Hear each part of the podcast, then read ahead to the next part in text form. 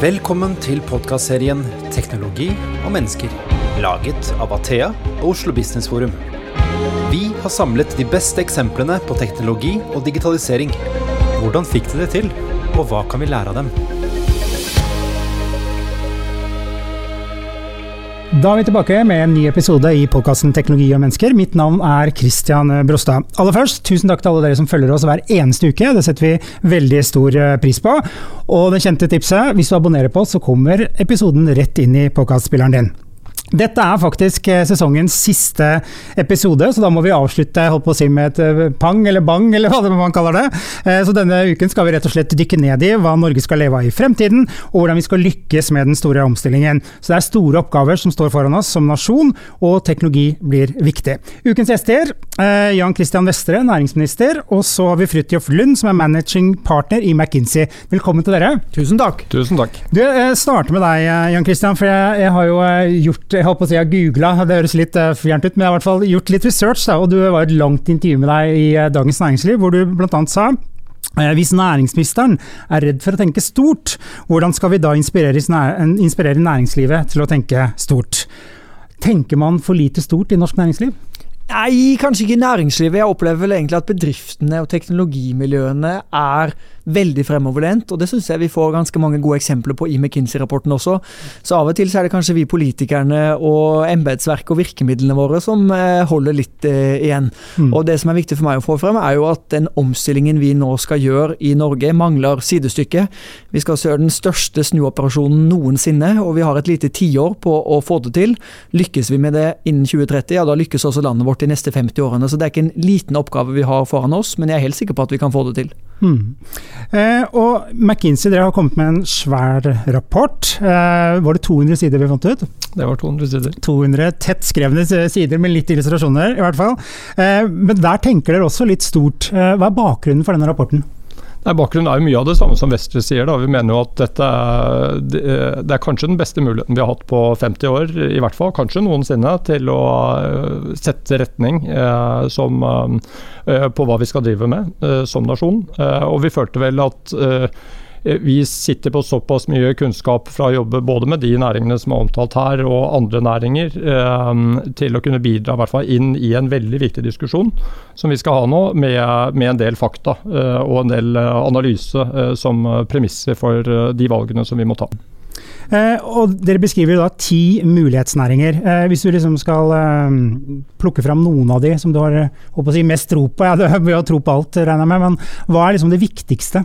Igjen, her er det, det er alltid et spørsmål å velge, velge topp tre fra ti. Eh, for igjen, de ti er jo et utvalg av eh, en lang rekke andre næringer som vi selvfølgelig også uh, bør si, satse på, som også vil være viktige. Men man må mm. jo i en strategi for en nasjon eller for et selskap, så må man jo tørre å prioritere og også ta noen valg. Eh, og Skulle jeg trukket frem til, så er det vel eh, havvind. og Der det jo, eh, skjer det jo særdeles mye akkurat nå. Det er ekstremt blitt kanskje enda viktigere i en geopolitisk sammenheng her. Det andre er sirkularitet. Den går litt på tvers av, alle, av en del av industriene som vi omtaler, så den er litt annerledes enn enn enkeltindustrier, for det kan finnes i, i flere. Men det, der tror vi vi er godt posisjonert og har et godt utgangspunkt. Eh, skulle man tatt en tredje, så av de lavthengende fruk fruktene, kan du kanskje si, så kan du ta havbruk, som, hvor vi allerede har en veldig god posisjon, men som vi kanskje kan ta enda lenger. Så har vi en del andre som jeg selvfølgelig gjerne også Sju til. Sju til. Var det musikk i dine ører? Ja, altså jeg syns dette er veldig bra. Og så må jeg bare si at det, det, er jo ikke slik, og det mener jo verken rapporten, tror jeg, og det mener i hvert fall ikke regjeringen, at at vi skal sitte og peke ut enkeltvinnere eller enkeltbedrifter. og Vi skal også være veldig forsiktige med å peke på enkeltteknologier.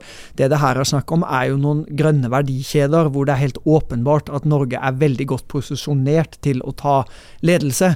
Så det som er viktig for næringspolitikken, er jo selvfølgelig at det er gode rammevilkår for bredden av næringslivet. At vi satser på forskning, på utdanning, utvikling, at det er konkurransedyktig skatt og avgifter. At vi har CO2-avgifter og andre ting som vrir over på mer klimavennlige investeringer. At vi bygger veier, infrastruktur. At det er et godt samfunn å drive butikk i. Og der har jo dessverre Norge falt litt gjennom noen år på disse her internasjonale rangeringene av hvor bra det er å drive næring. Mitt mål er jo at vi skal snu det og klatre på disse listene. Jeg tror vi kan ha som ambisjon om at vi skal være verdens beste land å drive næringsvirksomhet i.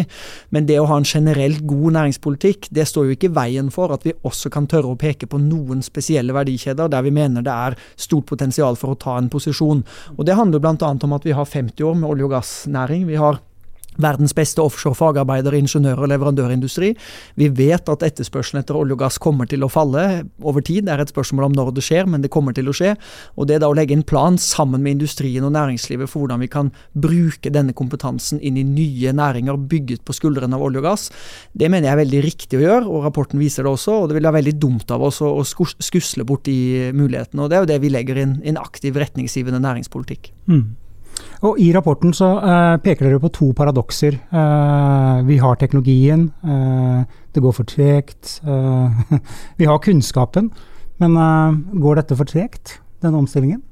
Vi sier på det første at vi har teknologien, i hvert fall for å nå netto null, så mener vi at 85 eh, av teknologiene for å nå netto null er jo kjent. Og så er det i litt ulik fase, men det er ikke hva skal jeg si, helt uprøvd eller eh, teknologi som ikke finnes eh, per i dag for, for, å gjøre det. Og så mener vi jo Jeg vil gi hva skal jeg si, credit for at jeg syns det skjer ganske mye, og vi syns det skjer mye. Dette er ikke, og det er også tydelig, eller er vi tydelige på i rapporten, dette er ikke Eh, et eh, hva skal si, scenario hvor det er eh, total stillstand. Her skjer det masse. Samtidig så er dette de ti næringene som vi trekker frem, det er ti globalt konkurranseutsatte næringer. altså Det er, det er ti eh, hvor andre land satser veldig hardt per i dag. Bare de siste par ukene har vi sett nå Danmark gikk vel ut forrige uke med veldig konkrete ambisjoner på grønn hydrogen. Eh, Sverige har akselerert eh, havvindsatsingen sin. Vi ser Scotwind kommer ut med høye ambisjoner. En rekke land som kommer ut på en, på en rekke av disse områdene, inkludert batterier, med hva som skjer i Sverige etc. og Finland. Så her er det, det er et behov for å handle nå, altså få opp dampen, rett og slett, hvis vi skal kunne klare å, å beholde de konkurransefortrinnene som vi mener at vi har innenfor disse ti. Ja, det, det er jeg helt enig i. Det er et globalt kappløp. og så tror jeg vi skal være såpass ærlige også at uh, vi snakker nok litt for lite i Norge om hvor bra det egentlig står til med omstillingsevnen vår. La meg bare ta tre eksempler som bekymrer meg litt. Uh, I fjor investerte vi seks ganger mer i olje og gass enn det vi gjør i annen grønn industri på fastlandet. Og Nå er ikke denne regjeringen mot å investere i olje og gass. Uh, naturgass kommer til å bli veldig viktig i energitransformasjonen. Hovedårsaken til at Storbritannia nå kutter utslippene sine veldig mye, er jo nettopp at norsk naturgass fortrenger kull. Sånn at i en transformasjon så vil dette være viktig. Men jeg syns vi skal ha en diskusjon om det er riktig at vi også over tid skal ha så mye høyere investeringstakt i en næring hvis fremtid i hvert fall er noe usikker, da, for å si det på en diplomatisk måte. Vi ser det i utenrikshandelen. Vi hadde i fjor et rekordstort handelsunderskudd fra fastlandet. Det nærmer seg altså 300 milliarder kroner. Og det går veldig bra for norsk økonomi så lenge vi bruker både olje- og gasseksporten og ikke minst eh, finansinntektene fra Statens pensjonsfond utland til å dekke dette mellomlegget. Men men over tid så kan det skape usikkerhet om uh, utenrikshandelen vår, om vi har balanse, om vi kan betale for importen. Uh, og det tredje poenget er jo klimagassreduksjonene. I 1990 var Norges utslipp 51 millioner tonn CO2. I fjor hadde det, hold dere fast, falt svimlende ned to tonn til to millioner tonn til 49 millioner tonn. Så vi har altså nå brukt 34 eh, år på å kutte 4% av Norges utslipp. Nå har vi åtte år igjen på å kutte de resterende 51 eh, av de målene vi har satt oss. Så både når man ser på investeringstakt, når man ser på utenrikshandel og når man ser på reelle utslippsreduksjoner, så går det altfor sakte. Og Det er her jeg kanskje opplever at industrien og næringslivet er litt foran politikken, og at vi derfor kanskje må lete fram nye virkemidler i nært samarbeid. Vi har invitert næringene til klimapartnerskap f.eks. For, eksempel, for å se på hvordan kan vi mobilisere mest mulig privat kapital til dette skiftet, men også bidra med statlig risikoavlastning, rammevilkår, skape markeder, bidra til å korrigere markedssvikt. Vi har veldig mange verktøy i verktøykassa vår for å bidra til å få opp tempo. For tempo det må skrus opp mange, mange ganger skal vi få til dette. Mm. Jeg, det var en sånn jævlig, Nå holdt jeg på å banne her, det skal man ikke gjøre, men det var så innmari kult ord. For du, eh, du har brukt et ord 'Paris Proof'. Eh, på de nye jobbene som skal skaffes. Kan du ikke snakke litt om eh, hva er det du legger i det? Jo, altså det Jeg tror vi må pipe bort den banningen. nei, det, det, vi tåler vel det. Vi tåler vel det. Uh, nei, altså det, det, er jo en tankegang om at vi bør måle politikken vår mer opp til om den reelt sett reduserer utslipp. Mm. Vi bruker jo veldig mange milliarder kroner i året på disse såkalte offentlige virkemidlene våre gjennom Enova, Innovasjon Norge, Siva, eksportfinansiering osv. Og, så og jeg har jo stilt spørsmålet vet vi om vi bruker de midlene best mulig slik at de faktisk fører til utslippsreduksjoner. Så en av de tingene vi nå vurderer er jo faktisk å legge inn en parameter om at de prosjektene som skal få støtte, eller i hvert fall de som skal komme høyest i køen når du konkurrerer om offentlige skattekroner, det er de prosjektene som er Paris Proof. og Det betyr rett og slett er prosjektet Eh, rigget sånn at det bidrar til utslippsreduksjoner på minst 55% sammenlignet med dagens teknologi. Hvis de er det, så når de gjennom Måløy. Og jeg tenker også Når vi skal ha en aktiv politikk for ny jobbskaping, så bør vi også se på hvilke nye verdikjeder og jobber er det som i størst mulig grad kan bidra til det. Vi er jo en stor eier også, staten. Vi har jo direkte eierskap helt eller delvis i over 70 selskaper. Eier en tredjedel av Oslo Børs, en børsverdi på ca. 1000 milliarder. Mm.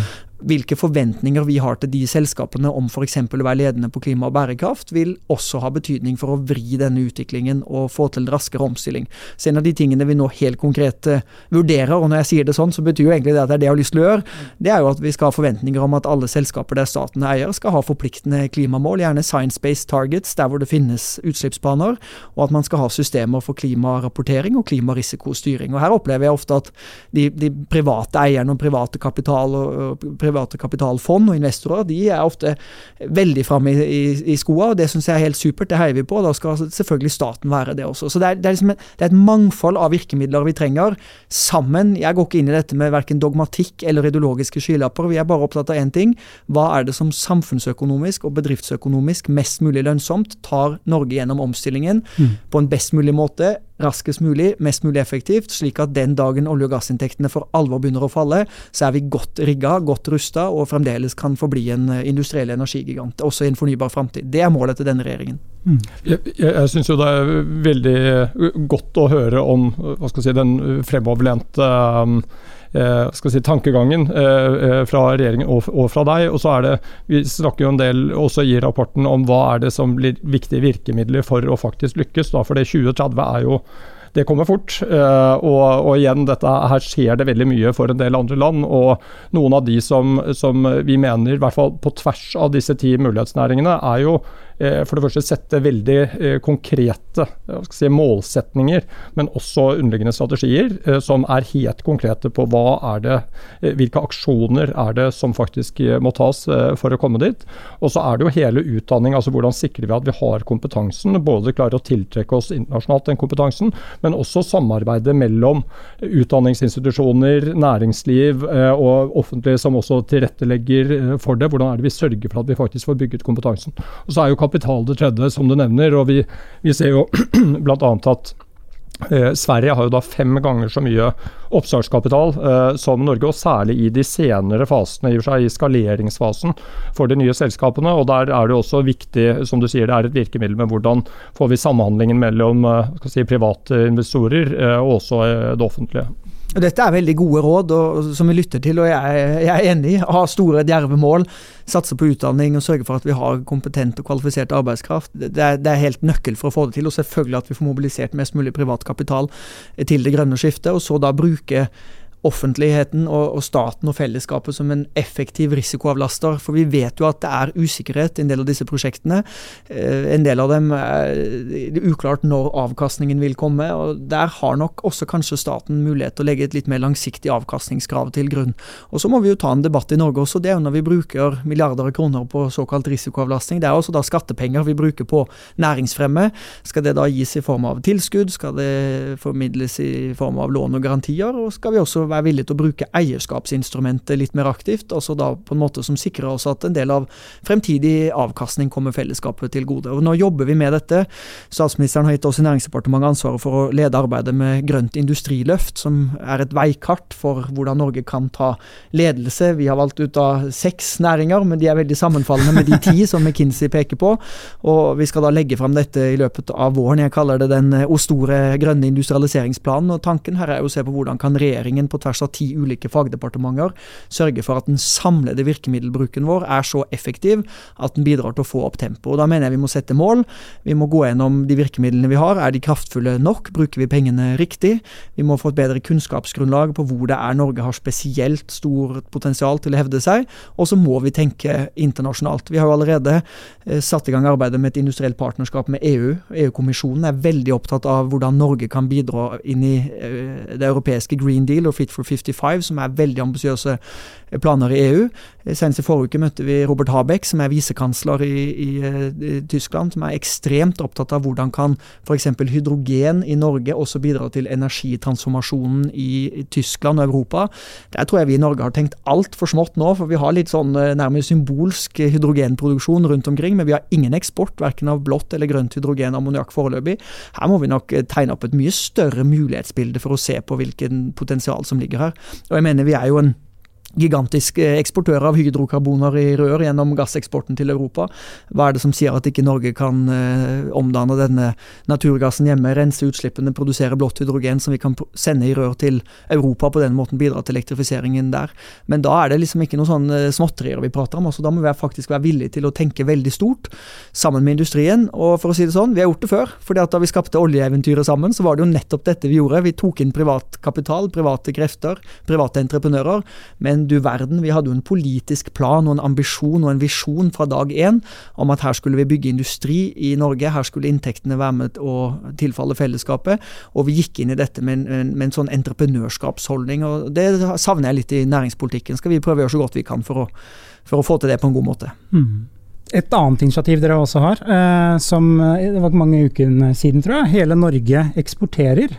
Hva er det for noe? Ja, Det er den nye eksportreformen vår. Ja. Vi er jo veldig opptatt som sagt, av at Norge skal ha flere bein å stå på. Mm. Jeg er bekymret, ikke nå, for nå har vi som sagt andre inntekter som dekker mellomregninga, men over tid så mener jeg det er problematisk at vi har så stort handelsunderskudd fra fastlandsøkonomien vår. og Derfor så har vi nå lagt fram da denne eksportreformen. Denne regjeringen har et veldig ambisiøst mål om å øke eksport utenom olje og gass, den såkalte fastlandseksporten, med 50% innen 2030. Det er mange titalls milliarder mer i økt fastland fastlandseksport, og det skal vi gjøre sammen med næringslivet. og Derfor så la vi i forrige uke fram eh, sju konkrete tiltak som skal bidra til å få opp dette. da. Og Jeg er veldig glad for at både NHO, LO og også bredden av næringslivet har tatt veldig godt imot den eksportreformen, og vil bidra inn i denne eh, eksportdugnaden da, som vi nå ser for oss de neste årene.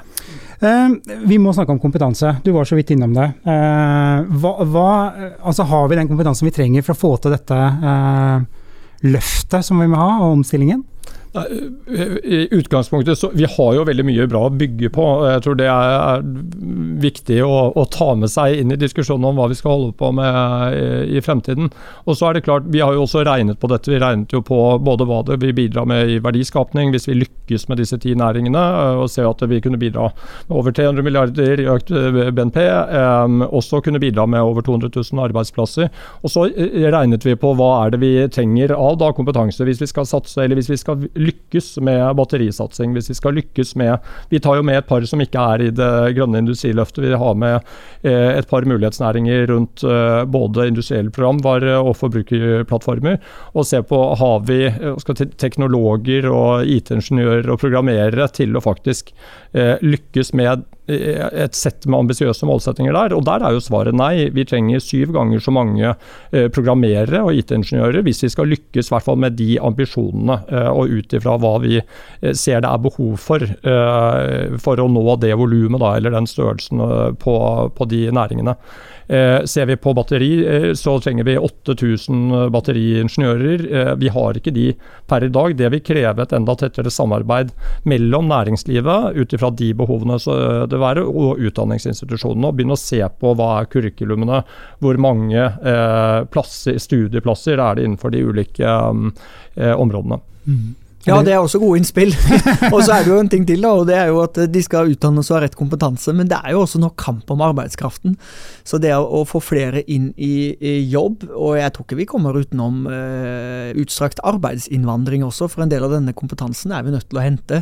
Nå er det jo et forferdelig trist bakteppe det som skjer i Ukraina, som vi selvfølgelig fordømmer på det aller sterkeste, men nå kommer det jo mange ukrainere hit. Mange av de har sannsynligvis høy kompetanse, så det som vi er veldig opptatt av fra regjeringens side nå, er jo at de kjapt skal få komme i jobb her haar.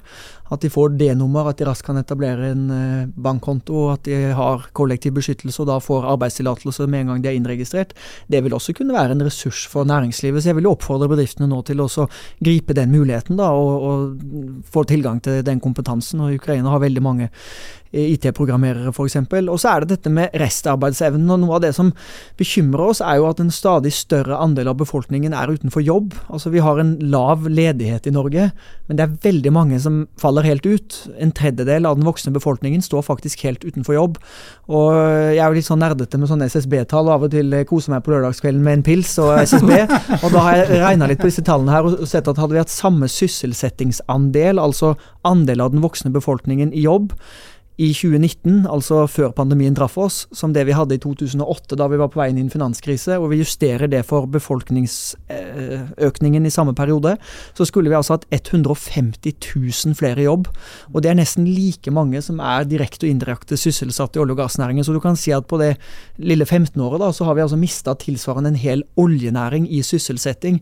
Og det er bare altfor rike land som har råd til det, fordi at det er eh, sløseri med ressurser. Det har store konsekvenser for den enkelte som ikke får tilhøre et, et arbeidsfellesskap, har kamerater bidrar til å bygge landet.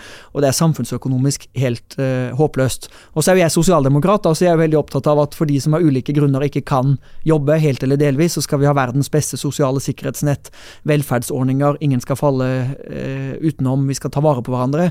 Men det betyr jo ikke at vi kan gjøre det mer attraktivt for de som har lyst til å jobbe i hvert fall litt, og komme seg inn i arbeidslivet. Så det er nå systematisk å gå gjennom og se på hvilke barrierer eller hvor fungerer ikke systemene systemene våre, og på den måten ta ned eh, liksom, barrierene for å komme seg inn i jobb, i hvert fall de som kan bidra litt, vil være helt avgjørende for at vi skal lykkes i det grønne skiftet. For ellers er vi ikke nok folk, rett og slett, mm. som kan uh, bidra med dette. Det nytter ikke å ha store ambisjoner hvis ikke det er folk til å gjøre jobben.